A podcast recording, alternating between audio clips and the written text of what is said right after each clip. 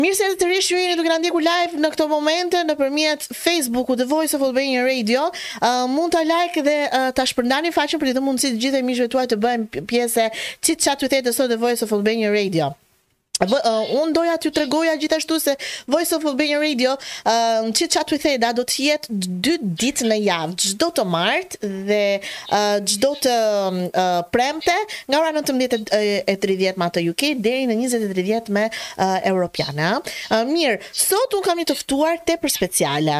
E filluam me misionin e filluam, javën e filluam si ta them kshu me një të ftuar tepër tepër speciale dhe tepër të mirë, një ëmbëlsi them unë. Për gjithë juve që në fakt doni të dini më tepër mbi si të ushqeheni shëndetshëm, mbi sistemin imunitar, sistemin tretës.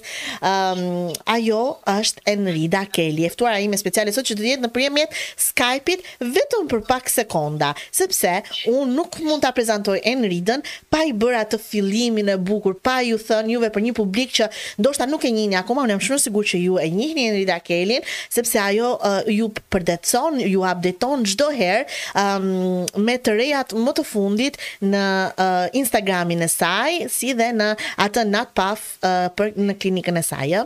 Mirë, do të takohemi me Enridën për të bërë shumë pyetje. Në qoftë se ju keni dëshirë të bëni pyetje, t'i drejtoni pyetje Enridës se si të mbani veten në formë në këto kohë pandemie, dhe si ta rrisni sistemin imunitar po dhe shumë pyetje të tjera se ne do të flasim për dietat për dietën detox do flasim mbi problemet që kanë njerëzit me zorrën e trashë sepse Enrida është e kualifikuar dhe eksperimente ka bërë te jeta e saj edhe ka shumë shumë shumë shumë trajnime.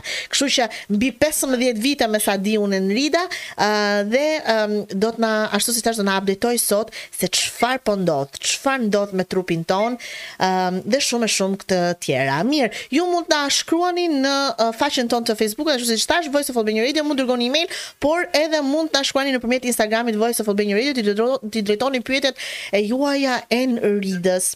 Mirë, për pak, për pak do të jetë Enrida Kelly, por më parë duhet të ndjekim se kush është Enrida dhe çfarë bën ajo. Enrida Kelly është terapiste e pasionuar dhe e përkushtuar e mjekësisë alternative. Ajo ka një përvojë shtatëmbëdhjetë vjeçare në fushën e neuropatisë, duke mbajtur kualifikime në terapi të ndryshme plotësuese. Enrida është specializuar në shëndetin e sistemit tretës, nutricionit, programeve ushqimore të personalizuara, duke përfshirë dhe intolerancat ushqimore. bimët mjekësore dhe suplementet ushqimore. Hidroterapia e kolonës, zorrës së trashë mbetet një nga terapitë e saj të preferuara dhe një pjesë integrale e praktikës së saj. Enrida ka një përvojë të jashtëzakonshme klinike në këtë disiplinë, pasi ka kryer mbi 15000 trajtime që nga kualifikimi. Ajo ka punuar më parë dhe jashtë vendit në disa nga tërheqjet më të mira evropiane të detokseve si Juicy Oasis nga Jason Vale në Portugali dhe Sha Spa në Spanjë. Enrida tashmë është e vendosur përgjithmonë në Natpat Clinic, praktika e saj në Londër, të cilën e themeloi në vitin 2004. Dëshira për të krijuar një klinikë multidisiplinare me një ekip ekspert të fushave përkatëse e shtyu të hapte dyert e Mind Body Wellness në verë të vitit 2019. Kjo është e para klinikë në Angli me sipërmarrëse shqiptare përkushtuar mendjes, trupit dhe shëndetit.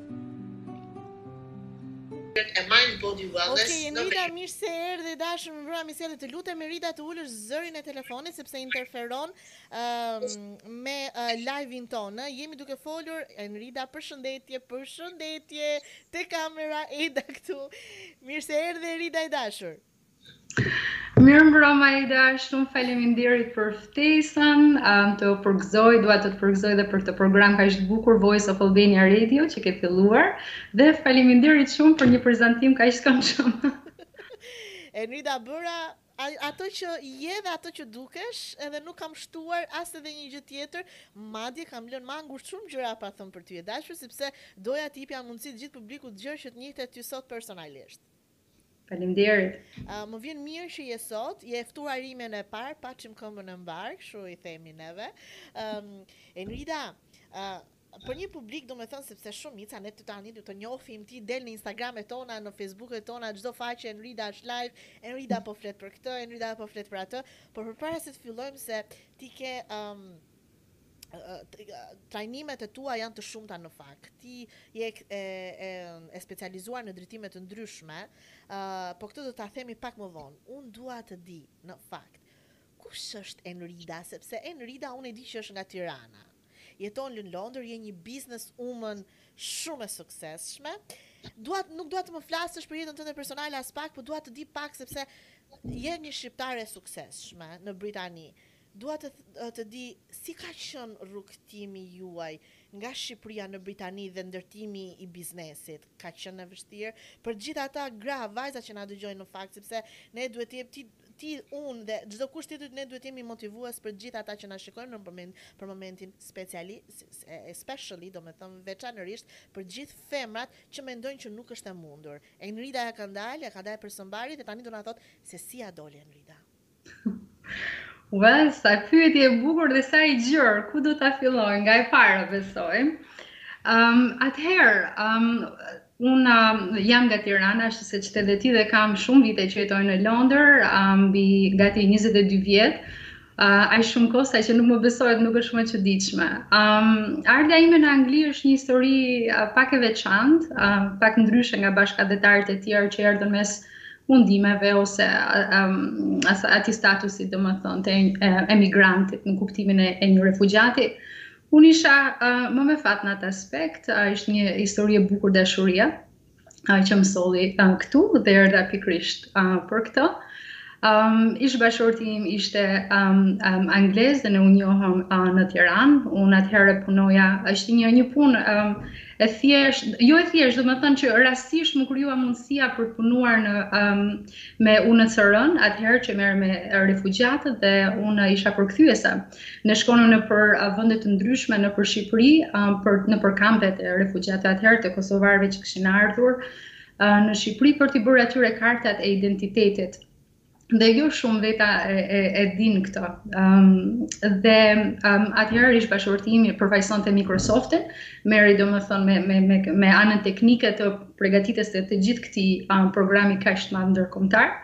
Um, dhe uh, kështu erdha, erdha unë, nuk e dija se ku po shkoja, po isha shumë e lumtur që po ndiqja um, dëshirat e, e, e, e, e zemrës time e vetes time. Uh, unë jam një njeri që um, i, i um, i, i ndjek këto um, dëshirat edhe um, idetë që kam edhe jam goxha pasion, pasionante si person dhe kjo një farë mënyre uh, pasqyrohet edhe në punën uh, që bëj që unë e dashuroj shumë Um, kur um, kur vjen puna për profesionin, um, mendova si në fillim domethënë, doja, doja të shkoja në universitet dhe uh, nuk dija se çfarë të zgjidhja, më pëlqente shumë uh, të bëhesha uh, mjeke, uh, këto janë ato dëshira që shumica e nxënësve të mirë shqiptarë dëshirojnë ose bëhen um, uh, doktora, dentista, avokate, ku ta di unë, ekonomiste e tjerë, Um, pa që dhe... të ndërpres, Rida, uh, ka të bëjë po. kjo gjenetikisht, domethënë, ndonjë dikush në familjen tënde, ta ka injektuar pak uh, këtë punën e mjekësisë? Domethënë, um, out of nothing, apo ka ardhur si, si pjesë një shtyrje nga familja? Sepse në, në Shqipëri, domethënë, të gjithë prindërit tanë e kanë pasion të bëhesh doktoreshë ose mësuese.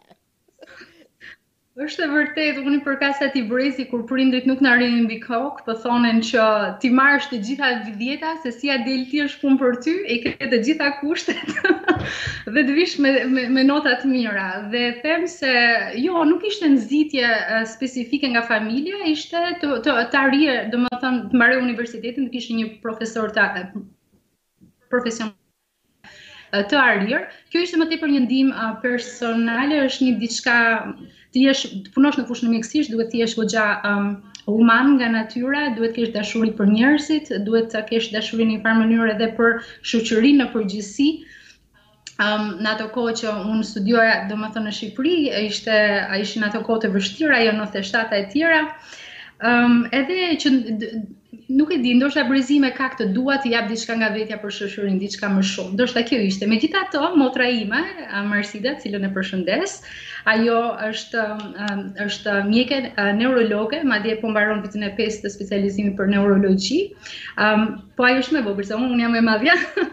Gjithashtu kam dhe djalin e xhaxhait dhe ai është një um, nxënës i shkëlqyer në um, në mjekësi, domethënë vitin e dytë mjekësi, po unë besoj se unë jam e para që kam filluar mjekësinë uh, në këtë aspekt. Megjithatë, siç e di edhe ti, unë zgjodha një rrymë tjetër të asaj në krahasim me uh, atë që është më konvencionale, A më korrigjo në qoftë se me raste bëj një gabim të vogël, se um, dhe dhe zgjodha uh, që në vend të studioja uh, mjekësinë um, um, conventional uh, medicine, vendosa që të zgjedh mjekësinë alternative.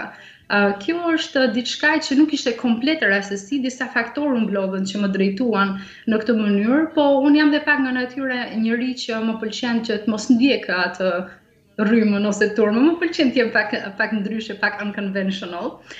Dhe në atë kohë bashkëbisedoja me um, ish bashkëshortin tim dhe më thotë, ok, po dëgjo, shikoj një herë, sepse ai ishte shumë në, në këto um, um, mënyrën alternative të jetuarit, dhe më thotë, um, tani sikur kanë filluar të ndryshojnë kohët, domethënë, Të të jesh doktor është gjë e mirë, po tani jemi po hyjmë më tepër në një fazë tjetër ku përqendrimi i gjërave po shkon kundrejt si të evitojmë, si të preventojmë, domethënë të të të qenit sëmurë para se të arrijmë te pika e kurimit dhe po më thoshte kjo është një diçka që po zgjerohet dita ditës um, dhe do të jetë mjekësia e së ardhmes në një farë mënyre dhe mjekësia alternative siç thotë fjala është diçka alternative asaj konvencionale Kurse preventativ, um, siç thotë dhe fjala anglisht, do të thotë të, të, të preventosh, të, të, të, të mënjanosh në një farë mënyre.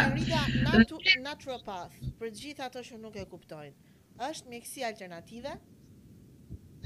Po, naturopath, uh, do të thotë udha e natyrës, domethënë është, uh, është një mjekësi alternative si të përdorim gjërat uh, që i përkasin natyrës sa më shumë dhe përdorim mënyra më natyrale për të qëndruar shëndetshëm. Këtu do fusja, domethënë, nutrition, që është ushqimi, mënyra se si ushqehemi ka shumë rëndësi, ajo çfarë zgjedhim të hamë, cilësia e saj për shembull a është bio, apo jo, a është diçka e gatuar vetë, apo diçka e blerë në fast food, cilat janë ato vlerat ushqimore që përmban, a i përshtaten personit në varësi, domethënë çfarë... çfarë um, a i përshtatet trupit tuaj. Shtan, trupit e tjera. Në të njëjtën kohë, këtu në naturopati, futet dhe mjekësia bimore, mjekësia bimore është diçka që është përdorur um, me, me, me, me shekuj um, dhe në mënyrë tepër efektive, ne këtu i përdorim nëpërmjet kapsulave, nëpërmjet uh, atyre tincture, përgatitjeve në alkool ose në glicerinë.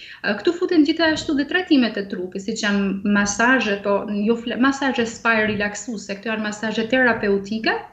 Um, kolon hidroterapia është gjithashtu një nga terapitë kryesore të, të naturopatisë, domethënë është një degë goxha e gjerë, homeopatia për ata që e kanë dëgjuar, gjithashtu dhe mjekësia kineze, megjithëse kjo futet më shumë si alternative, është, është një një naturopath përmban të gjitha këto që ti sapo the?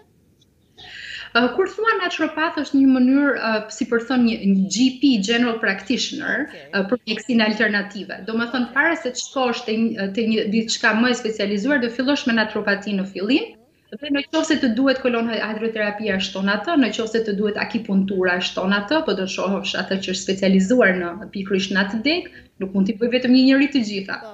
Do të thotë ti po, apo çfarë specializuar më tepër? Sepse um, do të thotë insertin tonë. siç thashë, të qenët naturopath është është disiplinë më vete. Më kupton? Si për të thënë për shembull, çfarë është çfarë është GP-ja? Çfarë specializohet? Është është e është e përgjithshme, është hapi i parë ku ti fillon, domethënë kur ke një shqetësim ose diçka, është kjo mënyrë e të bërit. Ëm do të thotë që në vend që të japësh gjithë kohës një një ilaç ose një trajtim, ti mundohesh në fillim të fillosh me dietën, me përmirësimet e, e ushqimeve, me menaxhimin e stresit, pastaj me me bimët, me suplementet ushqimore dhe me trajtime më specifike. Unë personalisht dal atje ku te pyetja që po më bëje, personalisht zgjodha të specializohem në problemet e sistemit tretës, për shumë arsye. Njëra nga këto sepse shumica e njerëzve kanë shumë probleme dhe e dija që klinika ime do të ishte gjithmonë busy, sepse të gjithë kanë shqetësime nga nga sistemi tretës dhe kjo vjen nga zgjedhjet ushqimore që bëjnë, nga menaxhimi i stresit, mënyra e të jetuarit. Dhe gjithashtu sepse në naturopati ne kemi një thënie në një farë mënyre që sëmundja fillon nga zorra e trashë. Domethënë, sistemi i aparatit tretës është shumë i rëndësishëm. Mënyra se si funksionon është shumë e rëndësishme, se jo vetëm është e rëndësishme të zgjedhim atë çfarë do hamë, po dhe mënyra se si kjo përpunohet në trup, që pastaj jep atë lëndën e parë në një farë mënyre që trupi mund ta përdorë për rigjenerimin e vet, për për energji. Uh, kur them rigjenerim është domethënë përmirësimi i lëkurës, i organeve, pastrimi i gjakut, i flokëve, më kupton se çfarë them? Kush e kishte menduar Rida që si stemi tretës do të ishte kaq do të kishte të ishte kaq i rëndësishëm për njeriun, sepse në Shqipëri jemi mësuar që sistemi tretës është gjëja e fundit që ne duhet të shkojmë te doktori dhe të kujdesemi. Por në fakt në Europë dhe në Britani është totalisht ndryshe. Unë vura re një shprehje në faqen tënde të internetit, naturopath, kur thotë është është anglisht, po u mundova ta kthej shqip. Kur zorrët janë të ndotura, është edhe gjaku i ndotur. Dhe kështu të gjitha organet dhe indet. Prandaj duhet të kujdesemi për zorrën. Sepse ka shumë njerëz dhe unë në momentin që unë kam publikuar foton tënde dhe për çfarë do flasim sot më ka ardhur një mesazh dhe unë dua këtu të ngelem. Dhe më ka thënë që Eda, sepse shqiptarët pse shumica prej nesh, domethënë ne kemi të gabuar mënyrën e ngrënjes e të të ushqyerit, sepse Të flasim qartë, shumica e shqiptarëve vuajnë nga kapslliku dhe as edhe një herë, as edhe një herë në jetën e tyre nuk kanë shkuar në naturopath, ashtu siç je ti, ose të vizitohen, sepse thonë që ha se është diçka që do kalojë, kështu është sistemi im, mua nuk më përbën ndonjë problem, por kaq e rëndësishme është për njeriun, domethënë kanë të bëjnë indet, të gjitha organet, sistemi mendor gjithashtu, ashtu siç e the dhe ti, më thuaj pak më tepër. Po është e vërtetë që shumica e, e shqiptarëve në një farë mënyre neglizhojnë këtë lloj um, vëm, për të dhënë vëmendjen këtyre gjërave. Um, dhe um, është e vërtetë është vetëm kohët e fundit që unë kam filluar të kem më shumë klientelë uh, shqiptare dhe janë disa arsye për këtë. Në një farë mënyre ne kemi dhe atë tendencën që i zgjidhim gjitha vetë, jemi gjithë doktora në një farë mënyre. Um, ose ose më ajo... fal, më fal që të them, domethënë që uh, të, të pimë një një va, një një lugë me vaj ulliri në mëngjes, edhe mm. jemi shumë mirë, domethënë. E kupton sepse nuk e kemi këtë edukimin, uh, ashtu siç po më flet ti mua tani në këtë moment, unë të di sepse unë të njoh, por për gjithë ata që nuk janë të mirinformuar. E kupton, ne themi një vaj ulliri dhe mbaroi puna Të të shëndosh, je shumë mirë. Vaji i ullirit ka vendin e vet dhe unë do t'i këshilloja pse jo, domethënë të vazhdoni në qoftë se është extra virgin edhe bio. Mirëpo nuk është nuk zgjidhet gjithçka në këtë farë mënyre. Kur um, uh, unë mendoj se um, sidomos me shqiptarët në përgjithësi, njerëzit kanë pasur uh, probleme shumë të mëdha. Dhe gjithmonë vëmendja ka shkuar aty dhe e kanë parë mënyrën se si ushqehen uh, një vend ku ata mund të kursejnë. Kupton çfarë them? Po. Domethënë të ngrënit, të, të mos harxhoj shumë, ta blej lirë, um, ose kaq e kam buxhetin e, e, e javës, domethënë ta ngushtoj te ushqimi. Mirëpo çfarë duhet të kemi shumë, shumë kujdes, është sepse ai ushqim që ne konsumojmë dhe cilësia e tij, bën të gjithë ndryshimin në shëndetin tonë në tërësi, se sa të shëndetshëm do të jemi. Dhe uh, duhet të bëjmë tepër kujdes, nuk mund të tërheqim lekët gjithmonë te ushqimi, sepse në një farë mënyre është, kemi një farë shprehje, Ai që nuk kujdeset çdo ditë nga pak për trupin, një ditë do të paguajë shumë shtrenjtë. Domethënë ai përkujdesi i përditshëm është tepër i rëndësishëm dhe ushqimi dhe cilësia e ushqimit ka të bëjë shumë. Në qoftë se dikush fillon të ketë simptoma sidomos për shembull siç the ti me constipation ose kapsllëkun, është diçka që njerëzve i vjen zor, i vjen turp të flasin, nuk është diçka që e ndajnë, është një farë tabuje rreth këtyre diskutimeve, deri në një farë vendi edhe e kuptueshme. Megjithatë, duke qëndruar në heshtje në këtë mënyrë dhe pa biseduar ose pa kërkuar cilat janë zgjidhjet e duke u munduar t'i zgjidhim gjitha vetë, kjo krijon shumë probleme. Një një zorrë që është e bllokuar, domethënë që nuk funksionon mirë, ndot të gjithë trupin. Ok, çfarë duhet të pastrohet nga trupi duhet të pastrohet dhe në mënyrë të rregullt, siç ke konsumuar ushqimin ashtu dhe duhet nxjerrë nga trupi. Në qoftë se jo, ti ke një farë përthithje, një absorbim tjetër në në në trup, e organet e tjera të trupit, domethënë mundohen të kompensojnë, bëhesh më toksik, i themi ne. Kjo është ajo të bërit toksik në një farë mënyre, kupton? Një helme, janë helme të tepërta në trup. Janë Po, janë helme të tepërta në trup, edhe um, kjo e rëndon gjendjen nga pak çdo ditë nga pak rëndon gjendjen uh, shëndetësore. Madje një nga tabut më të mëdhaja që ndodh është biseda prap rreth kësaj teme, domethënë që shumë njerëz um, i duhet shumë kohë para se të shkojnë edhe të kontrollohen qoftë se kanë problemet me zorrë, sidomos për kancerin e zorrëve. Dhe çdo vit kur është um, um, ai në periudhën e majit zakonisht ne është i rikujtojmë njerëzit për këtë, domethënë sa rëndësishme është që të shkojnë dhe të kontrollohen, sepse kanceri i zorrës për shembull është një nga është i dyti më më i përhapuri dhe më më vdekjeprurësi në një farë mënyre. Dhe një nga arsyet është sepse diagnoza bëhet shumë vonë kur është në një në një stazh, në një stage shumë të advancuar. Um, dhe çdo vit bëjmë këto, domethënë video t'i rikujtojmë njerëzit, qoftë se keni simptoma, qoftë se keni shqetësime, si mund të jetë për shembull fryrja ose gjakderdhja, ndryshime të të daljes të të të, të feçes, domethënë, ëm um, duhet t'i kontrolloni domethënë me doktorin këto gjëra, mos i lini mbas dore, se shpesh njerëzit i lënë mbas dore, pak nga turpi, pak se neglizhojnë edhe gjërat advancohen në gjëra ku është pastaj vështirë që të kthehen. Unë nuk punoj me me me me domethënë me këto lloj punësh kaq të advancuara. në një farë mënyre, siç thashë, jam ke ajo prevention, në qoftë se ti shqetësim, ndërhy, ok, ke një shqetësim ndërhy, bëj diçka për këto. Dhe, sidomos, kur vjen puna te problemet e sistemit tretës, kolon hydrotherapy-a dhe një dietë e shëndetshme, domethënë që mund të jetë për një periudhë të shkurtër kohe, një dietë e modifikuar do thoja, se e shëndetshme ka shumë kuptime, mund të jetë për një periudhë të shkurtër kohe ose mund të jetë për një periudhë uh, shumë shumë më të gjatë. Ëm um, dhe doja doja të prekja pak um, uh, folëm për kancerin e zorrës uh, e zorrës së trashë, sepse mm -hmm. njoh shumë njerëz uh, që fatkeqësisht kanë ndrruar jetë dhe e kanë kapur në momentin e fundit edhe unë jam vetë okulare e kam parë dhe e kam prekur. Në fakt nuk është e rritur se kanceri i zorrës është më tepër agresiv, por njerëzit e kanë lënë mbas dore, ashtu siç thamë, ë? Domethënë ta ndajmë pak këtë, sepse mendojnë që shumica e atyre që kanë humbur personat e tyre më të dashur nga kanceri i zorrës dhe janë të shumtë besomëni, janë të shumtë, mendojnë se kanceri i zorrës është më tepër agresiv nga kancerat e tjerë, por në fakt absolutisht jo, apo? Është diagnozë, diagnostikimi që bëhet në stazhe shumë më të advancuara, që e bën pastaj si më vdekjeprurës, po ka shanset shumë më të larta në krahasim me kanceret e tjera për për recovery, për për shërim. Në qoftë se kapet në fazat shumë më më përpara, po është e vërtetë. Çfarë do t'i këshilloje personave që në fakt e kanë pasur në familje, them në gen, Mhm. ata persona që i ka vdekur ndoshta babai, ndoshta vllai, ndoshta gjyshi nga kanceri i zorrës së trashë. Duan patjetër të trajtohen edhe të shikohen nga një mjek ose edhe nga ju personalisht për parandalim?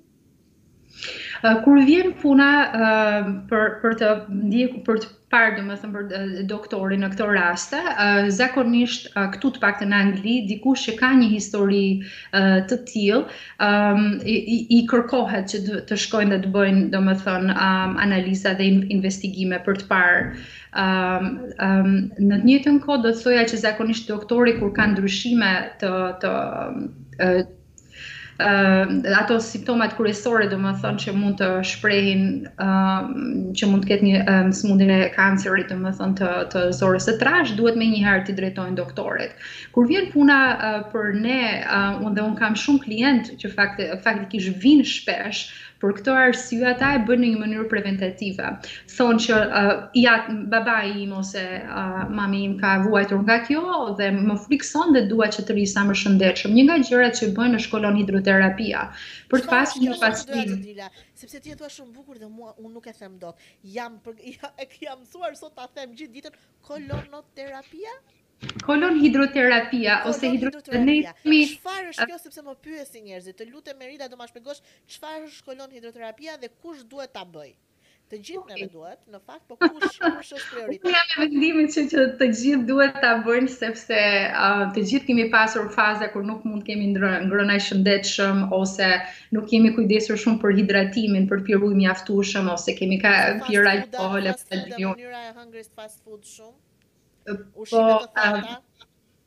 dhe them se një një pastrim për trupin i çdo lloj dhe pastrimit e nga më të ndryshmet, po ky është shumë efikas dhe shumë i shpejtë, domethënë që të jep rezultate të dukshme. Um, do ta rekomandoja hidroterapia siç thotë ose ne i themi colon hydrotherapy, po pashë që edhe tani në filli ka në Shqipëri kanë filluar ta ofrojnë dhe u gëzova pa masë. Ëm um, dhe ata i referohen si kolon hidroterapia kolon ose quhet zorra e trashë. Hidroterapi do të thotë terapia hidratuese me ujë, hidro është ujë. Domethënë, gjatë procesit të, të uh, kolon hidroterapisë, çfarë bëhet është një pastrim, duke përdorur ujë, ujin e ngrohtë dhe të filtruar, brënda, uh, domethënë, imi brënda trupit, në zorrën e trashë për të krijuar të pastrim. Është një proces i pastër, është një proces i mirëkontrolluar, si nga ana e temperaturave, presioneve që përdoren e tjera dhe zgjat për afërsisht 40 minuta. Po, me po, zakonisht nuk janë në mënyrë shtëpiake, duhet bëhen patjetër në Jo, jo, jo, jo, jo, jo. Gjëja më e afërt nëqoftëse dikush që kishte ka provuar diçka për shembull klizma, shpesh më marr në telefon dhe thonë, "A është mos është e ngjashme me klizmën?" dhe i them, "Po, në princip është e ngjashme me klizmën, por është një version shumë shumë më i madh. Për shembull, nëqoftëse me klizmën dikush është një proces pak stresues, nuk është aq higjenik domethënë edhe shkakton pak stres te njerëzit, madje përdor dhe pak ujë, maksimumi në 2 litra. Ne përdorim 40 litra plus gjatë një seance, uh, sepse sistemi është i mbyllur dhe çdo gjë lëviz brenda domethënë tubave, nga trupi jashtë të tjera. Ëm, është procesi është goxha i, i thjeshtë në përgjithësi, nuk dhëmb, sepse shpesh më pyesin për këtë. dhe rezultatet e cilat do të ndihen, domethënë, janë pothuajse të menjëhershme. Kjo varet e të sa... Pse duhet të bëhet kjo terapi Enerida? Por, njerëzit, shumica e njerëzve që vijnë më shikojnë mua, vijnë domethënë për, për takimet për kolon hidroterapin, se unë bëj dhe gjëra të tjera, po i bëj në gërshetim, i përmbledh, ok, dhe ta shpjegoj se si bëhet kjo. Um, Dhe ata që kanë më shumë vijnë, domethënë janë ata që futën në kategorinë e çfarë themi benefitet primare. Benefitet primare janë dikush domethënë që menjëherë do të ketë një impakt direkt në përmirësimin e simptomave që personi shfaq. Këta janë njerëzit që kanë probleme me zorrën e irrituar, ne i themi IBS, Po. Shqip është zorra e irrituar. Çfarë do të thotë? Kemi një um, ndryshim të të jashtëqitjes nga që shkon nga constipation, domethënë nga um, kapsllëku në diare, në diare, ok? Dhe një ditë personi ka një njërën episod, një ditë tjetër ka tjetrin, mund zgjasin ditë. dhe reagon shumë kundrejt ushqimeve, mund të ketë ushqime intoleranca të ushqimeve të shumta. Domethënë, nuk është në gjendje të piketojë se cila i shkakton më shumë problem, një ditë më shumë se një ditë tjetër, shkakton fryrje, gazra, nganjëherë thonë duhet të zbërthej dhe atë domethënë um, zinxhirin se nuk ndihem rehat, mund t'i bëj njerëzit që të ndihen Pak si të përgjumur, të lodhur mbas të ngrënit, në fakt të ngrënit duhet të ketë veprimin e kundërt, se kur konsumon ushqim ti duhet marrësh energji, jo të ndihesh i lodhur ose të kesh dhimbje koke, kupton? Po në përgjithësi është është kjo quhet IBS. Ëm ehm, dhe nga këta ka shumë, shumë sepse këtu sidomos ëm ehm, në Angli um, po të shkosh te doktori me shqetësime të tilla, um, këtu për, në përgjithësi uh, i japin uh, fokus vetëm gjërave që janë shumë serioze, diçka që mund të jetë pothuajse, domethënë rrezikon jetën ose diçka, në qoftë se është diçka që është inconvenient kur i themi ne, domethënë që ka ndikim te cilësia e jetës, por nuk është aq këtu të shtyn, domethënë thonë ok, merr disa um, diçka, domethënë, për laksativa dhe do t'jesh mirë. Nuk i futen shumë thellë, prandaj këta gjithmonë këtu njerëzit vjen vinë kundrejt naturopat dikush si unë, që ka kohën për qëndrimin, dëshirën, njohurinë për të, për të i adresuar gjërët në disa aspekta. Më fal se u zgjerova, të kthehem prapë te personat. Flasim për zorrën e irrituar, kapsllëku, diarrenë e pashpjegueshme, ok, domethënë pasi janë bërë analizat dhe kanë dalur që nuk ka infeksion. Um, fryrjet, um, ushqimet e, e, dhe intolerancat, dhe gjithashtu dhimbja e kokës, sidomos migrena. Migrena është shumë interesante. Um, këto janë futen në kategorinë e problemeve o shqetësimeve, domethënë primare, ose benefiteve primare. Tjerat janë për shembull njerëzit që kanë probleme me lëkurën. sidomos me aknet. Aknet janë jo vetëm shkaktohen jo vetëm nga imbalanca, si themi ne imbalance. Imbalanca, pa balanca. Po e e hormoneve, po gjithashtu dhe nga intolerancat e shumta të ushqimeve dhe nga bllokimet e zorrës ose një funksion jo shumë i mirë i sistemit tretës. Tash kur themi sistemi tretës nuk është vetëm zorra, flasim stomaku, flasim uh, mëlçia, uh, pankreasi, zorra e hollë, zorra e trashë. Po fokusohemi te kjo sepse uh, kjo uh, domethënë është uh, është um, e fundit në ku mbasi çdo punë është bërë, rezultati vjen pastaj tek zorra e trashë. Më kupton se çfarë them? Ëm um, dhe um, aknet janë diçka që me të vërtetë ka shumë rezultat ose një një lëkurë që ne themi dull, që duket si e pa jetë, si pa ngjyrë, domethënë. Um, tjetër do të thoja ekzema është edhe një tjetër që um, um, ka rezultat uh, goxha psoriazi jo kaq shumë se është um, sëmundje autoimune. Um, njerëzit që vuajnë nga problemet me lëkundjet e e e, um, e energjisë ok, që kanë, domethënë, low energy ose tendenca e për t'u lodhur shumë shpejt, domethënë, një farë fatigue ose chronic fatigue. Kjo ka të bëjë shumë. Për momentin, arsyeja pse kjo ndodh, domethënë, është sepse ndikon në qoftë se sistemi tretës nuk funksionon shumë mirë, atëherë kemi probleme me breakdown dhe me përthithjen e, e, e ushqimeve.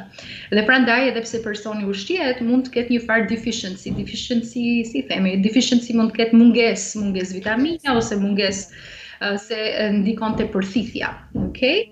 Uh, këto janë në përgjithësi uh, uh, a po pastaj kemi edhe kategorinë tjetër dy në fakt uh, njëra është e detokseve uh, në Angli është shumë normale që shpesh të bësh detox, të paktën një herë në 3 muaj çdo stinë, çdo stinë sjell ushqimet e veta, sjell ndryshime të mënyrës së jetuarit, sa del jashtë ose jo, për shembull gjatë dimrit jemi më shumë brenda, gjatë verës ka më shumë diell, ndihemi më mirë, ka më shumë aktivitete dhe se çfarë zgjedh të ushqehesh ndryshon, edhe madje edhe appetite, edhe uria ë ndryshon. Domethënë çdo çdo um, stinë bëhet nga një detox. Detoxet um, bëhen nëpërmjet ushqimeve ose heqjes shumë grupeve ushqimore nga dieta për një periudhë të shkurtër kohe bëhet nëpërmjet detoxeve të lëngjeve dhe gjithmonë kolon hidroterapia është një nga terapitë kryesore që përfshihet në të bashkë me bimët për të përarritur rezultatet sa më efikase. Ku ke shumë përpara Enrida, unë unë mbas emisionit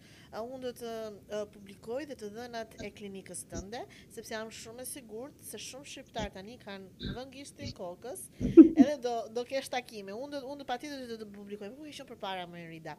Tani, do të them Më, po, më thuaj. Do të them para se të harroj, se këtë e harroj shpesh, okay? Më shpesh më pyesin, domethënë, cilat janë ushqimet kryesore që duhet të heqim nga dieta.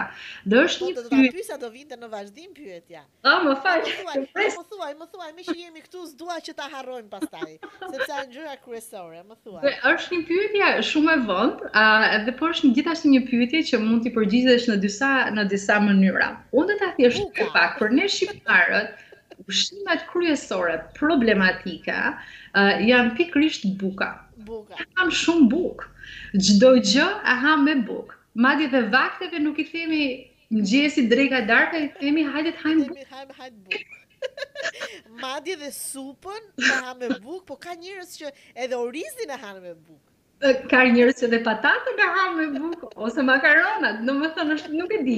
Ky konsumi i bukës është i është i paparë, plus dhe konsumi i karbohidrateve. Kemi goxha karbohidrate në dietë. Po buka është shumë problematike, sidomos buka e bardhë, Dhe buka që nuk është më ajo si e mëparshmja e vjetra që ishte e rëndë dhe e dëndur. Ëm sepse përdoret shumë maja. Me një fetë, me një fetë, se buka përpara ne ngopeshim dhe tani mund të hamë një bukë të tërë dhe nuk të ngop. Nuk të ngop, po, pikërisht. Në atë mënyrë fillon ha konsumon më shumë nga këto kaloritë që i themi ne empty calories, kalori domethënë boshe. Në të njëjtën kohë aty ka dhe shumë maja birre. Majaja e birrës është një nga problemet kryesore, se jo vetëm e gjen te buka po e gjen te çdo gjë që është e fryrë. Mund të jetë një kek, mund të jetë një pastry, si themi ne. Ëmbëlsirë, biskota e tjera është gjithandej. Pa folur pastaj për konsumin e birrës ose petullat e të tjera. Domethënë kemi një përqindje shumë të lartë të majas në në në në dietë dhe kjo është ajo që shkakton shumë fryrje. Dhe ka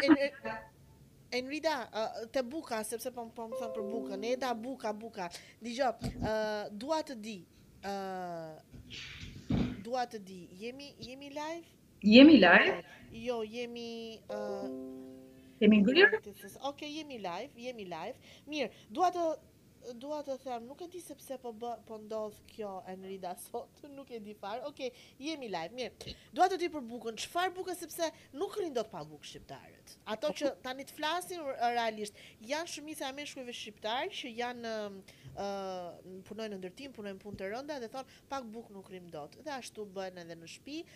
Çfarë buke duhet të përdorim? Buka integrale, kam dëgjuar bukë integrale, më ke thënë bukë integrale, më thuaj pak buka që duhet të përdorim. Jo ajo me maja, jo ajo e fryrë. Çfarë bën këtë? Domethënë, ëm sourdough, ky, këtu është kur fillon problemi im me me këto terma që nga një herë shqip nuk i di. Sourdough është ajo buka që vjen vet, që e kam pasur më përpara që e lënë që të vi vet. Integrale apo jo? Ëm është integral, është lloj gruri, domethënë një grur integral është një grur i papërpunuar. Domethënë do të rekomandoja bukën e e rye, si themi ne rye. Uh... Ajo buka e zezë, tani që shqiptarët ta dinë tamam sepse thuhet rye. Mm. Ajo buka me Ja se do ta gjej unë. Uh, jo, jo, rye është një një lloj grain, një lloj drithëre më vete. Uh, nuk është tërshëra, është uh, ah, se s'po më vjen. Uh, nuk ka nuk ka Si rye sepse të gjitha do të gjithë kryesorja, rregulli kryesor është buka e bardhë absolutisht jo. Edhe buka e përzier me me me dy lloje, domethënë ë uh, mie mieli. Elbi, Elbi. Elbi, bravo, bravo. Elbi. Na i shkruajti, na i shkruajti Rainela, faleminderit. Faleminderit. Elbi, buka e elbit është mm. shumë shumë e mirë. Këtu njihet si buka gjermane ose buka polake dhe vjen është është goxha e dense e përqendruar edhe është është thin. Ëm um, edhe sourdough, sourdough është um, një lloj buke tjetër që përdoret që nuk ka maja birre.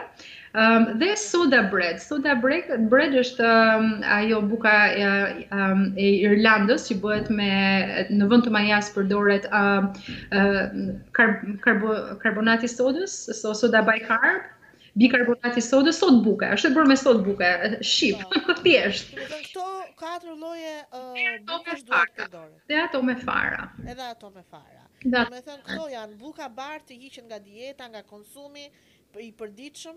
Po, komplet, komplet. Apo? Po po, absolutisht komplet, të mos përdoret, mos përdoret fare. Madje kur vjen puna edhe në përdorimin e bukës, ashtu siç the që shumë veta më punë në ndërtim e ku ta di unë, po. them që duhet kemi një farë ne quajmë rotation, një farë uh, rrotullimi, uh, një ditë të jetë buka si uh, karbohidrate, një ditë tjetër të jetë orizi, jo gjithmonë i bardhë, kemi orizin e kuq, kemi orizin uh, kafe, quajmë ne brown, uh, në raste të tjera mund të përdoret kuskus, në raste të tjera mund të përdoret kinoa ose kuinoa, njerëzit i referohen. Këto janë drithëra të tjera që të japin atë ngopjen se fakti që njerëzit më fal duan bukën është sepse duan të ndihen të ngopur, ok? Plus jep dhe energjinë, sepse janë karbohidrate, karbohidratet janë nga vjen energjia. Megjithatë, do të doja të jepja edhe një sugjerim tjetër. Domethënë, ata që për vite kanë ngrënë shumë bukë ose domethënë um, do të thoja filloni të ndryshoni racionet në të cilat shërbehet ushqimi. Domethënë, bukë me gjellë duhet të ketë shumë më shumë gjellë dhe shumë më pak uh, bukë. E njëjta gjë edhe me pilafin. Janë, këto vijnë nga, nga, mos, nga mos pasja, nga skamja në një farë mënyre, ku njerëzit kishin pak lekë për shpenzime për të ngrënë perime, gjellë, mishin, të ishin të gjitha në sasi të vogla dhe mbushej barku në thonjëza me me me me bukë ose me me patate ose me pilaf. Ose me byrek. Po, ose me byrek. Tani unë e dashuroj byrekun dhe nuk do rekomandoj që ta heqin, no? Flas se se me çfarë të ta mbushë në masa Në masa më më të vogla. Në masa më të vogla dhe për kënaqësi, domethënë, jo jo si jo si ushqim. Mund të shoqërohet me ndonjë sallatë, sepse unë shikoj nga ato që po, publikon ti, domethënë byrekun ti mund ta shoqërosh me ndonjë brokoli, me ndonjë sallatë ose me speca, domethënë që mos të hash një sasi të madhe byreku dhe të jesh i ngopur, por në fakt të ngopesh Dhe me perimet edhe me me sallatat apo? Kjo është shumë e drejtë dhe është pikërisht kjo pra që duhen investuar më shumë kundrejt cilësisë të mishit, të peshkut, të të të polshit, të pulës, të ato proteinat, të vezëve dhe gjithmonë gjithmonë perimet. Perimet e gjelbërta sa më shumë, perimet që janë mbi tokë sa më shumë, sepse kanë më pak përmbajtje sheqernash, të jenë bio ku të jetë e mundur, edhe e njëjta gjë edhe për për mishin, ëh, se kemi shumë probleme me hormone dhe me përdorimin e tepërt të antibiotikëve në procesin e, domethënë, rritjes së gjësë së gjallë. Edhe kjo krijon problemet e tjera shqetësuese hormonale që i shohim pastaj shprehen edhe te njerëzit. Kështu do thoja or, bio ku të jetë mundësia ose organic, si themi ne këtu, ose të paktën free range. Uh, pa, sa... Vida, më fal pak tek mishi, uh, a është a është problem mishi nga domethënë sistemi tretës, të tretë një sasi të madhe mishi, domethënë it takes long uh, Duhet kohë për sistemin ta ta treti mishin. Është e vërtetë apo jo? Duhet një stomak i fortë, duhet një acid kloridrik i fortë. Jo të gjithë e kanë dhe ka, ka shumë arsye uh, përse uh, kjo ndodh. Madje ne kur punojmë me me dietën e grupit të gjakut, um, mënyra se si ndahen se cili grup gjaku duhet të përdori mishin dhe se cili jo, varet, domethënë, kush e ka atë energjinë në, në, në stomak dhe acidin kloridrik më të fort. Ato që janë me grup uh, zero, um, mund të hanë ushi, uh, mishin më shumë se dikush tjetër, sidomos ata që janë të grupit A, Uh, që sipas uh, teorisë së grupit të gjakut, ka një tolerancë më të ulët, ose një aftësi, jo tolerancë, një aftësi për um, tretjen e e mishit më të ulët në krahasim me ata të grupit O. Unë do të thoja që unë do të thoja që kur vjen puna te mishi, mishi është është i shëndetshëm, duhet është cilësia, domethënë është bio, është free range që ka rëndësi, se si gatuhet, ato që i bëjmë në gjellë për shembull është Shumë i mirë. Um, shoqëruar me perime si në gjellë ose me perime që shoqërojnë anë ose sallatë është shumë i mirë. Do të thoja që këto sufllaqet me shumë yndyrë um, ose nga mish që nuk e din se sa cilësor që duhet të bëhet shumë kujdes dhe zakonisht ose mishi i thatë, sepse ne përdorim akoma sot e kësaj dite mishin e thatë. Mm -hmm. Ç'mendon Rida për mishin e thatë, sepse thotë, më sillni ca mish të thatë nga Shqipëria, Se do ta bëj mishin e thatë me fasule. Mhm. Më thonë që si mendon Nerida, tani unë e di që janë, janë gjëra që jemi rritur, por mishi i thatë ditët e sotme. Um, janë disa mënyra, domethënë, unë ngaqë i studioj të gjitha llojet e dietave, nuk mund të, nuk mund të veçoj t'i qëndroj vetëm njërës, që të jesh vetëm vegjetarian, të jesh vetëm vegan, ose të hash vetëm, të jesh keto. Kupton çfarë them? Duhet të gjitha. Pra duhet, duhet, duhet, duhet, duhet t'i di të gjitha dhe duhet të di se nga vjen zgjedhja. Unë do të thoja që në sasi të vogla do të thoja që do të ishte ok për ta përdorur. Uh, po përqendrimi gjithmonë njerëzit duhet të kenë parasysh sa më e lartë përmbajtja e në në në dietë, në pjatë, në atë domethënë atë që gatuhet e perimeve. Sidomos gjërave siç janë brokoli, asparagus, uh, cauliflower, si themi ne, lulelakra, spinaqi, ë uh, Kungujt? Kale, si i themi ne kale? Kale është, kale është si një lakër e zezë, i themi ne madje, um, kungujt, um, bizelet, bishtajat, të gjitha këto. Pa i lënë mënjanë gjithashtu edhe patatet nën tokë, domethënë që janë patatja e kuqe, e qepët, e, e dhe, dhe rrepa e kuqe. Preshi, mos harrojmë preshin është shumë i mirë. Presh patjetër, patjetër. Patjetër. Sidomos në mënyrën se si e gatuajnë shqiptarët me pak mish në mënyrën e gjellës. Kjo është edhe është është shumë i mirë. Ky është aspekti ynë që është shumë i mirë dhe fakti që ne akoma dim të gatuajmë. Çfarë duhet të kesh parasysh ideja është që këtu në Angli këto kanë shumë vite që e kanë humbur aftësinë për të gatuar. Domethënë, sidomos me, me, me, me gratë duke dashur që të punojnë, që të kenë jetë sociale sa më suksesshme, që të mos jenë të lidhura në guzhinë, dhe unë duke qenë një feministe e flaktë, jam shumë dakord me këto. Megjithatë, mua më pëlqen edhe ajo tradicionalja në aspektin të të gat, të dish si të gatuash dhe të gatuash sepse është një mënyrë është një kulturë është një kujdes për veten tënde dhe kjo është është një investim në një farë mënyre tek vetja këtu e kanë harruar shumë shumë gjëra i porosisin nga jashtë jo tani po e po që është periudha e lockdownit dhe s'munden të shkojnë në restorante por edhe më përpara Më kupton? Kurse ne vazhdojmë ta ruajmë atë bërjen e ushqimeve vetë, vetëm duhet kemi parasysh bukën dhe që frutat, perimet dhe mishi të jenë të një cilësie të lartë. Gjërat e skuqura kemi pak merak ne, i pëlqejmë shumë, e njëjta gjë dhe me bylmetin e teprojmë. Djathë me të gjitha, shumica e njerëzve.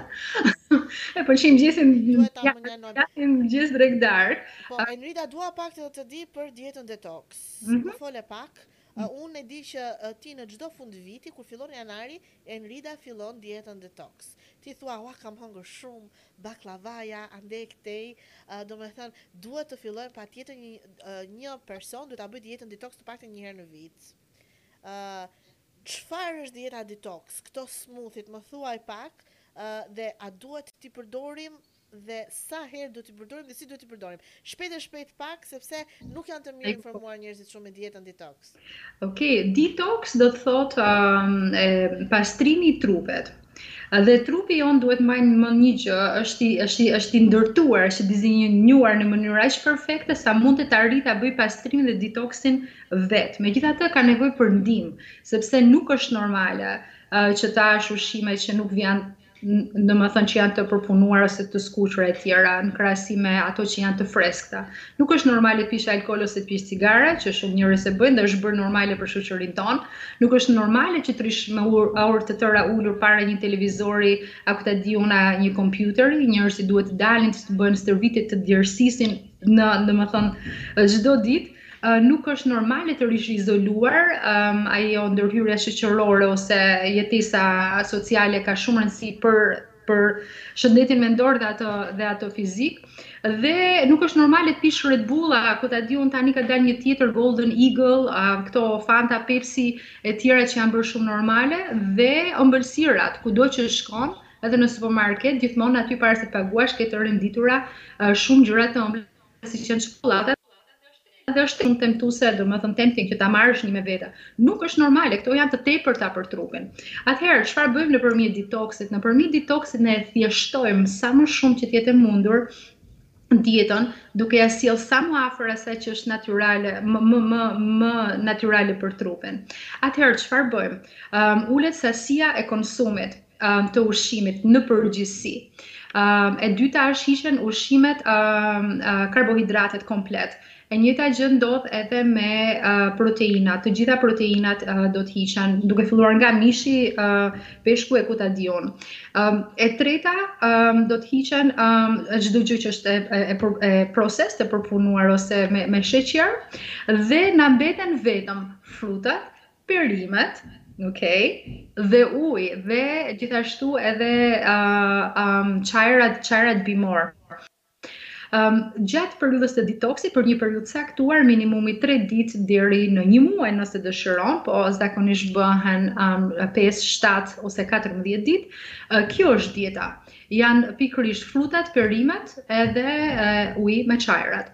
Në qoftë se personi dëshiron që t'i gatuaj, domethënë gjatë periudhës së dimrit, ne i përdorim perime të gatuara ose ose të gatuara si në gjell, ose të ose në avull, ose dhe të pjekura, kurse gjatë periudhës së ose në supë. Kurse gjatë periudhës së verës, sidomos ose pranverës kur është koha më e ngrohtë, ne i qëndrojmë më fort detokseve me lëngja, që janë lëngjet kryesisht të përbëra nga perimet, që të mos jetë përqindja e sheqerit shumë e lartë, sheqeri duhet pasur kujdes jo vetëm nga gjërat që janë processed, po edhe nga gjëra sheqeri natyral, jo i tepruar. Edhe këtu bëjmë lëngjet që përgatiten. Unë madje ofroja para se të ndodhej lockdowni, bëja një fundjavë 48 orë reset quhej, ku i përgatisja lëngjet për për klientin që do të vinte, që do të pinte gjatë gjithë ditës. Gjithashtu bënim dhe trajtimet 2 orë e gjysëm, që ishte 1 orë kolon hidroterapia, 1 orë sauna far infrared, infra rreze far infrared kuqe, të gjata infra të kuqe dhe dhe masazhi uh, sports masazh ose masazhi terapeutik ose refleksologji që është një lloj tjetër trajtimi që vjen nga mjekësia kineze dhe bëhet te tek këmbët. Um, ky është uh, një detox që dikush mund ta provojë ta bëjë vetë në shtëpi ose ne i ofrojmë domethënë nga klinika uh, këtu dhe madje në jam në procesin e përgatitjes për ta për të ta ta për t'ia sjell në shtëpi nëpër shtëpia lëngjet atyre që janë të interesuar. Është një projekt që po punoj për momentin. Më para, unë do të jem një nga klientët e para. Më mirë se sa do donim që gjithë secili nga neve të kishte në shtëpi një Enrida. Një Enrida Kelly, të donim gjithë ta kishim në shtëpi, por në fakt nuk keni në shtëpi, e keni në Natpath Ku je vendosur Enrida tani për momentin, ku është klinika? Unë jam klinika Natpath, që ka që në 2004-ën, domethënë që e kam hapur dhe është pikërisht bazohet mbi titullin tim që është Naturopath, Natpath. Ne jemi në Ealing Common dhe shumë informacione mund t'i marrin nëpërmjet Instagramit që është natpath underscore, domethënë vizë poshtë, klinik kurse website-i është ai që ke ti natpath.co.uk me Uh, pas unë i lutem dhe regjisë uh, në këto momente që ta shkruaj regjia në fakt kishte përgatitur një video uh, me të gjitha të dhënat e tua Enrida, por unë nuk mund ta jepja sepse unë doja të isha në me ty sot uh, gjatë gjithë kohës, kështu që nuk mund ta jepja dot, po patjetër që do ta postojmë në faqen tonë të Facebookut me të gjitha të dhënat e Enridës. Enrida, mirë, uh, janë dy gjëra kryesore që ka ngelur për në po. fund. Vazhdo, vazhdo. Po. Kështu që kemi filluar neve, domethënë mund të mbarojmë edhe pas nesër, ëh, sepse ne ne duam të dimë çdo gjë. Përveç sistemit tretës, Enrida, është i rëndësishëm dhe sistemi imunitar. Në këto kohë shumë të vështira, hotspots, Pandemia. Yes. Sistemi imunitar luan rolin më të rëndësishëm për jetët e njerëzve. Me thënë, um, sidomos për Covidin, uh, në qoftë se do të kalosh një Covid, duhet patjetër që sistemi imunitar të jetë i fortë. Uh, nuk e kemi pas ditur përpara, kjo duke më përfshirë dhe mua, që ne duhet të merrnim vitaminën. Kur thoshim për vitamin C, Shqiptarët ja kanë të fiksuar në kokë që vitamina C të të rrit më tepër oreksin, të shton oreksin, domethënë vitamina C duhet të pihet mbas një antibiotiku, kur merr një antibiotik, por nuk ishim të edukuar që vitamina C, vitamina D që janë vitaminat më kruciale, më të rëndësishme, duhet të merret gjatë gjithë kohës. Përveç vitaminën D, në qoftë se është një summer, je në diell, mund ta lësh pak mënjanë. Tani dua të të pyes. Çfarë ndikon në sistemin imunitar të njeriut, Enlida? Çfarë duhet të bëjë një person, sepse ndoshta nuk mund të vijë dot në klinikën tënde, por në shtëpi, në kushtet e shtëpisë, çfarë duhet të bëjmë që të rrisim sistemin tonë imunitar, që të mbrohemi nga griprat, po jo vetëm nga griprat dhe nga pandemia?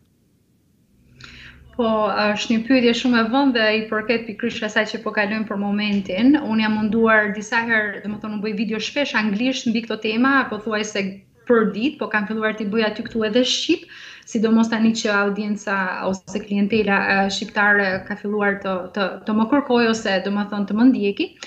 Um, Për të pasur një sistem imunitar sa më të fortë janë disa faktorë, domethënë dhe shumë nga këto i kemi përmendur. Kemi përmendur mënyrën e të ushqyerit, dietën, stërvitjen, um, dhe gjumi është shumë i rëndësishëm sa se sa cilësor është gjumi, sa herë shko, sa herët shkon dikush për të fjetur, rekomandohet që gjumi para orës së 10 të bëhet para orës 10 e gjysëm ose nga ora 10 e gjysëm, Po jo më vonë se të paktën 11 e gjysmë, ku ke një periudhë recovery, për, domethënë, përmirësimi, rigjenerimi më të mirë. kemi folur gjithashtu, duhet të kemi dhe diçka tjetër parasysh. Stresi është një nga gjërat që ndikon shumë në sistemin imunitar për të ulur imunitetin, ok? Dhe prandaj duhet të kemi shumë kujdes se çfarë bëjmë me mendjen dhe mendimet që kemi dhe mënyrën se si po i përjetojmë gjërat që po ndodhin për momentin, duke përfshirë këtu edhe këto lajmet e zeza që ndjekim, duhet tregojmë tepër kujdes. Kujdesi për veten është shumë i rëndësishëm. Suplementet janë tepër të rëndësishme. Ne nuk mund të flasim dot në mënyrë direkte për për Covidin, po unë mund të mund të të them se çfarë bëhet zakonisht për të rritur sistemin imunitar nga mjekësia alternative dhe ne këtë e bëjmë çdo periudhë gripi që fillon zakonisht në shtator. Bimët kryesore që përdorim um, janë bimët që rrisin sistemin imunitar dhe një nga këto që shumë njerëz besoj e njohin quhet ekineshja. Ekineshja është diçka që mund të blehet lehtësisht në në shumë vende, do siç është për shembull Holland & Barrett, Planet Organic ose edhe në Amazon, të vetmit njerëz që duhet të kenë kujdes me këtë janë ata që vuajnë nga nga smundja AIDS ose SIDA ose HIV, okay? Është i vetmi, përndryshe, ëm, Ekineshja është një nga bimët shumë të mira. Vitamina C me përqendrim të lartë. Vitamina C nuk do të ta hapë oreksin, po domethënë ndoshta pak. Um, kjo do të bëhet në nëpërmjet nëpërmjet dietës bëhet nëpërmjet frutave dhe ato që kanë ngjyra, të gjitha frutat që kanë ngjyra janë uh, kanë një përmbajtje të lartë të vitaminës C, sidomos ato me ngjyrë të uh, të jeshile, uh, sorry, uh, yellow, yellow. të verdhë, të kuqe dhe um, uh, portokalle. Um, vitamina, edhe, edhe të kuqe tash qershiat futen aty. Uh, vitamina C rekomandohet për momentin kanë dalë goxha studime dhe se çfarë mund të marrin njerëzit në, për të preventuar ose për të kaluar më lehtë COVID-in, Vitamina C është njëra nga këto. Vitamina D, pastaj siç the edhe ti, është shumë e rëndësishme, prandaj edhe pse në gjendje izolimi ose lockdowni, duhet patjetër, patjetër të dalim jashtë të bëjmë një shëtitje për t'u ekspozuar sa më shumë dritës natyrale. se drita artificiale është nuk është e dobishme fare dhe qëndrimi brenda nuk është i dobishëm.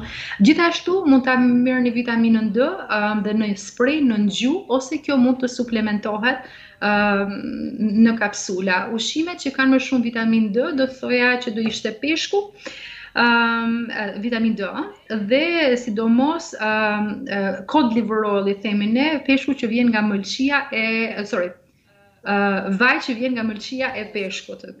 Vaj, yes, um, vitamin A dhe vitamin uh, D përmban. Uh, çfarë tjetër? Pastaj kemi zink. Zink, uh, si themi ne zink, zink. Zink, zink dhe uh, zinku domethënë në, në shumica prej nesh e ka kuptuar vetëm në këtë kohë pandemie se se nuk e hum unë nuk e njihja më përpara. Përpara dhe nuk e kemi përdorur. Zinc përdoret shumë domethënë për regenerimin e qelizave edhe është një nga mineralet që duhet përdorur gjatë kësaj periudhe për të ngritur imunitetin dhe ideale e kombinuar edhe me selenium edhe me magnez, magnesium. Okay? Zakonisht janë brands, janë kompani domethënë që mund, mund t'i blesh këto bashkë, nuk është e thënë që t'i blesh të gjitha veç, se të bëjnë shumë kokrra për të marrë. mund t'i marrësh të kombinuara. Kur vjen, pastaj kemi edhe bimët mjekësore që ata ndahen në kategori të ndryshme, por këto duhet një konsult, me thënë të drejtën, se nuk mund të thuash shko në dyqan dhe merre, se nuk dim se çfarë kanë njerëzit, nga se vuajnë, çfarë problemesh mund të kenë e të tjera. Domethënë, janë shumë bimë që janë për, sidomos për shëndetin e, e mushkërisë. Plus kemi pastaj dhe shurupet. Shurupet, um, zakonisht përdoren në mënyrë më simptomatike, duhet të kesh një farë kolle ose një farë shtrëngimi ose discomfort um, para se të fillosh t'i përdorësh, po këto janë ka ka shumë uh, që janë bimorë, 100% bio um, dhe që mund t'i gjeni lehtësisht nëpër dyqane ose po nëpërmjet një konsulte unë i rekomandoj. Çfarë tjetër? Um, Këto do ishin gjërat kryesore dhe ka si për do fusja prap këtu kolon hidroterapinë, ta them pse, unë një nga gjërat që i rekomandoj klientëve është gjithashtu probiotik ose probiotik është edhe shi probiotik është janë bakteriet e mira bakteriet e mira të zorrës sepse ne kemi domethënë imunitet shumë të lartë vjen nga zorra nuk vjen vetëm nga qelizat e gjakut njerëzit gjithmonë mendojnë qeliza e bardhë e gjakut imuniteti është është Është e saktë deri në një farë vendi, po ky imuniteti vjen nga zorra, prandaj shëndeti i sistemit tretës është me të vërtetë crucial, është është kyç, themi dhe shqip. Ëm, um, kështu që ajo që konsumoni dhe një, uh, domethënë, um, një pastrim i rregullt i, i trupit është shumë i i i rëndësishëm. Enrida, një takim do ta do ta lësh ti për mua mbas Mbas mbas Dijo, Enrida, uh, shpejt e shpejt. Royal Jelly Propolis Mjalti.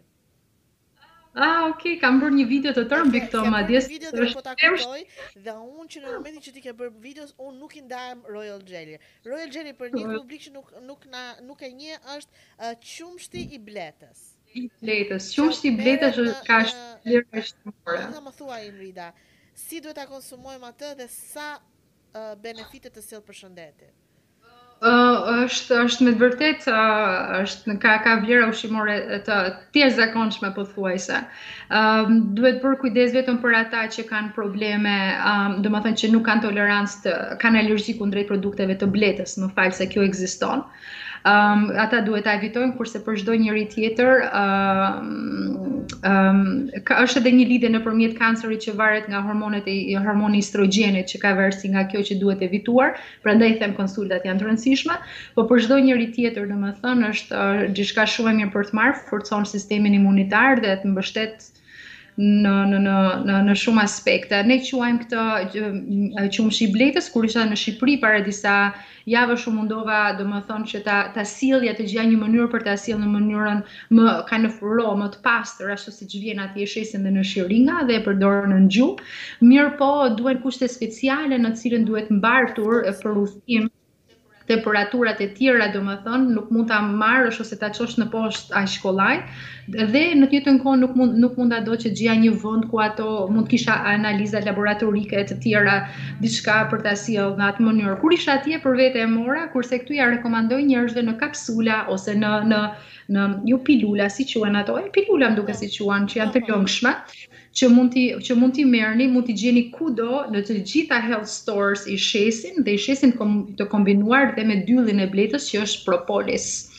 Ëm um, propolis është gjithashtu uh, ja, ja, nuk e di sa do të them për mjalti. Pastaj mjalti është një nga ato ilaçet naturopatike nga më të vjetrit ne do të veçoja këtu um, do të veçoja këtu Manuka honey ka një përqindje ka një është është është proven si themi ne është uh, ev, ev, evidentuar uh, fakt yes, që ka uh, që është shumë e mirë domethënë ka veti uh, antibakteriale uh, dhe do ta rekomandoja domethënë për ta marrë një mënyrë shumë e mirë për ta marrë ose ose një lugë e vogël um, kafe në mëngjes ose kombinuar um, me e kombinuar me me arra ose me kanellë.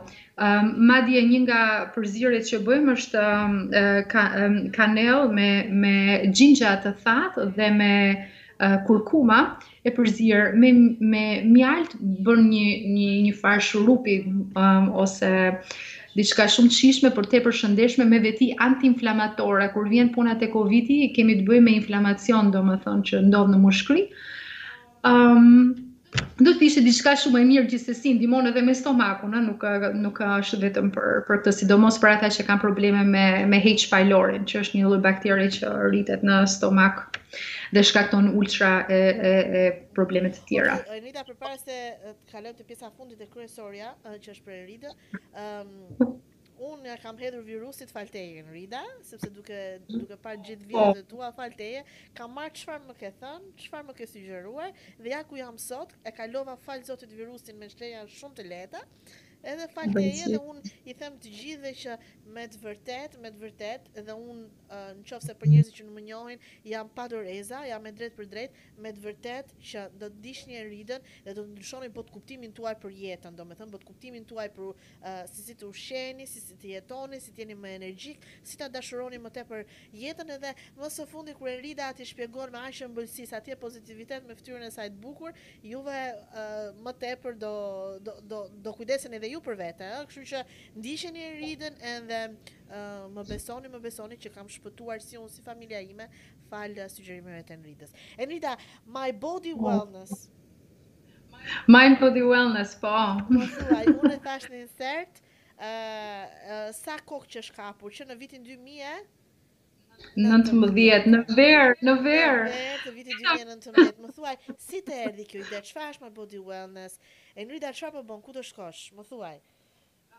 Po, Mind Body Wellness është klinika ime e madhe në një farë mënyre. Në qoftë se Natopath ishte një pra, një praktikë, siç do të thuash, një dhomë që unë ia kisha përkushtuar komplet punës time dhe ishin janë dhe vazhdojnë domethënë të jenë vetëm ato trajtimet që unë vetë ofroj.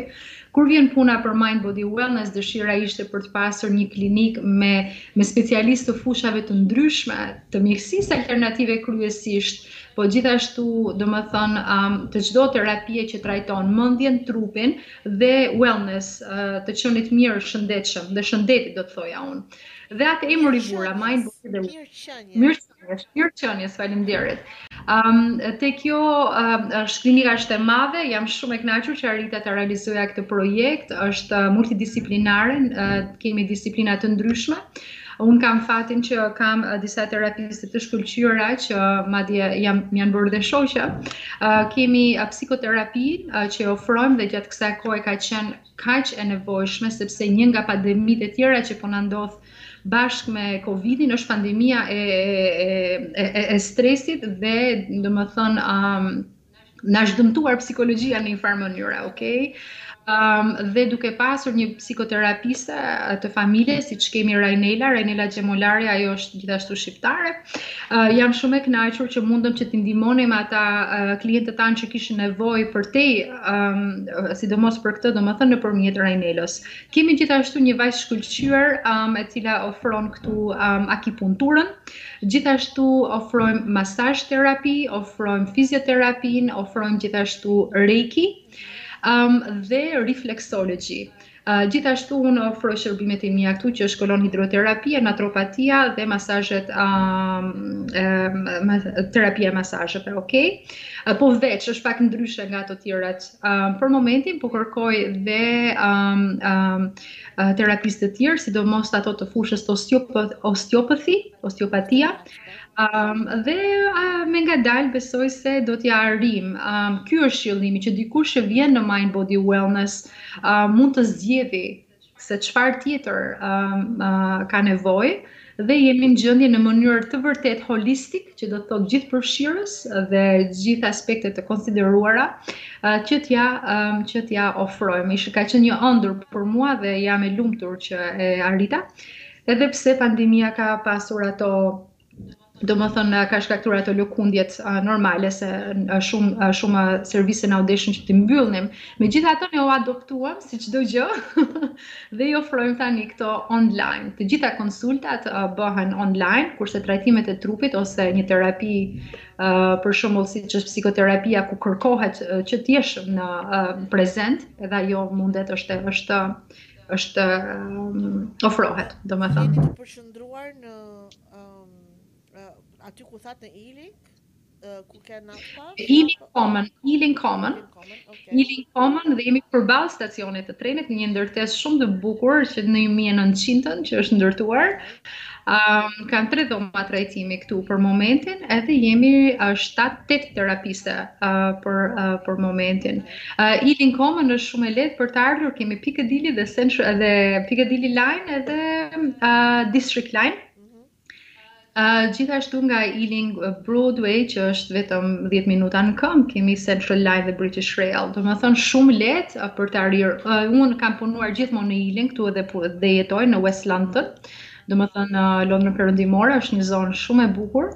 Uh, dhe njerëz që gjithmonë i kanë kushtuar vetes uh, vëmendje duke u marrë me yoga, me trajtime, me sport, Për, këtu kemi shumë dyqane që janë bio, që janë organike, të lëngjeve, restorante të mira, kështu që është goxha mirë. Enrida, urdhro. Unë të falenderoj shumë. Folëm shumë, kemi lënë shumë gjëra të tjera pa prekur, po unë jam e sigurt që me My Body Wellness në do të jem një ditë aty, pse jo të bëjmë dhe një intervistë live, të filmojmë dhe pak ambientet mhm. e My Body Wellness, pse jo, me lejen tënde. Ë ku e shikon Enrida veten mbas 10 vitesh? Sepse nga 2004 në 2019 arrite nga një shkallë, po të them shumë lart.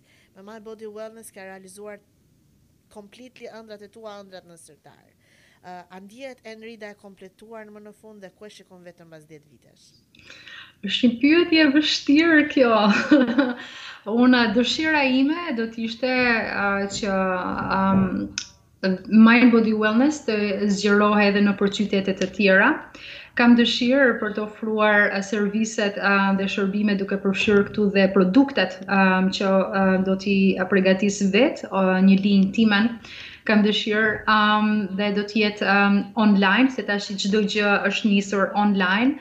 Në një farë mënyre, unë kam dëshirë që misioni im të jetë që të përhap sa më shumë informacion, njohuri dhe mësim në një farë mënyre për njerëzit të kujdesen për veten, dhe për shëndetin dhe të jetojnë sa më shumë në harmoni me me natyrën. Um, mundohem që të mos të bëj plane shumë afatgjata. um, po do të do të shikojmë, do të shikojmë. Uh, do të isha do të kisha shumë dëshirë sikur të fillonim të bënim dhe retreats. Retreats janë vende, domethënë kur ti vjen dhe atje të çlodhesh për një javë, Dhe ne vetëm i bëjmë trajtime dhe i përgatisim ushqimin dhe ju vini dhe ta shijoni. Kështu unë kam punuar në disa prej këto nëpër botë, në vende goxha të famshme me emër dhe më ka pëlqyer shumë si eksperiencë dhe ndoshta në një të ardhme, pse jo dhe në Shqipëri, Shqipëria është një vend i bukur dhe ideal mund t'i bëjmë këto retreat si në natyrë, ashtu edhe, edhe domethënë në mal, ashtu edhe afër detit, duke parë e duke bërë. Kurse për Anglinë për momentin dua të kem sa më shumë sukses brenda um, uh, Mind Body Wellness këtu ku është para se të zgjerohet më tej duke krijuar degë të tjera. Uh, dhe sukses do të thotë jo vetëm të ardhura që janë një pasqyrim i një pune më tepër, po dhe domethënë cilësia që e e shërbimeve dhe atyre që që i ofrojnë. Ky do të ishte me pak fjalë. E bukra Enrida, ëmbël Enrida, unë të falenderoj përzemërsisht, në emër tim dhe në emër gjithë Voice of Albania Radio, faleminderit për të gjitha këto këshilla kaq të vlefshme që na ke dhënë sot. Jam shumë e sigurt që mua më ke pas ndryshuar shumë kohë përpara, po ke ndryshuar mendjen e shumë nga dëgjuesit tonë, por kjo video do të jetë e hedhur edhe në YouTube, dhe pse jo do ta dëgjojnë shumë. Të uroj suksese lart e më lart. Edhe na kënaq gjithmonë me ato videot e tua të ëmbla sepse përcjell gjithmonë mirësi dhe dashuri. Shumë shumë faleminderit Eda dhe unë dua të falenderoj uh, shumë që na krijon mundësinë um, për për të për të për të diskutuar, për të ndarë njohuritë që kemi, për eksperiencat që edhe njerëzit ta dinë, na shërben ne që jemi domethënë në këtë në këtë profesion, por gjithashtu dhe atyre që që na dëgjojnë.